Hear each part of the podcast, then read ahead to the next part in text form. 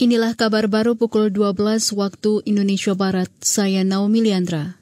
Saudara, lebih dari 8.000 jemaah umrah asal Indonesia telah berangkat ke Arab Saudi sejak 8 Januari lalu.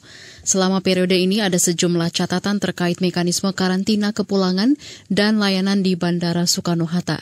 Hal itu diungkapkan Dirjen Penyelenggaraan Haji dan Umroh Kementerian Agama Hilman Latif dalam keterangan resminya. Kata dia, kebijakan umrah satu pintu akan tetap dilanjutkan guna memantau kesehatan jemaah di asrama haji atau hotel yang jadi lokasi karantina. Hilman meminta seluruh panitia penyelenggara umroh memastikan pemesanan kamar hotel untuk karantina kepulangan. Hal ini untuk mencegah jemaah terlantar karena menunggu kepastian tempat isolasi. Kita ke Papua. Kota Jayapura kembali menerapkan sekolah daring dan menaikkan status PPKM ke level 3 selama Februari ini. Wali Kota Jayapura, Ben Hur Tomimano mengungkapkan, keputusan itu berdasarkan hasil rapat evaluasi dan tren kenaikan kasus COVID-19 di wilayahnya.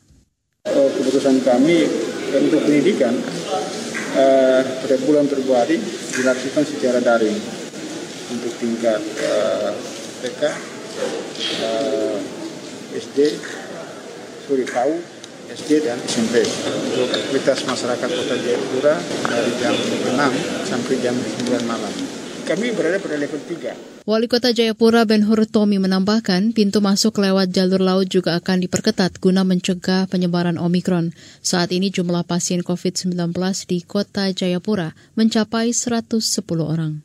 Beralih ke informasi mancanegara. Inggris mencatat 530-an kematian akibat COVID-19 dalam 24 jam terakhir. Reuters melaporkan angka itu merupakan angka kematian harian tertinggi dalam setahun belakangan. Jumlah kasus baru tercatat mencapai 88 ribu kasus per hari. Meski demikian, Inggris tetap berencana melonggarkan aturan COVID-19, termasuk kewajiban memakai masker di dalam dan luar ruangan, serta bekerja dari kantor. Saudara, demikian kabar baru KBR. Saya Naomi Liandra, undur diri.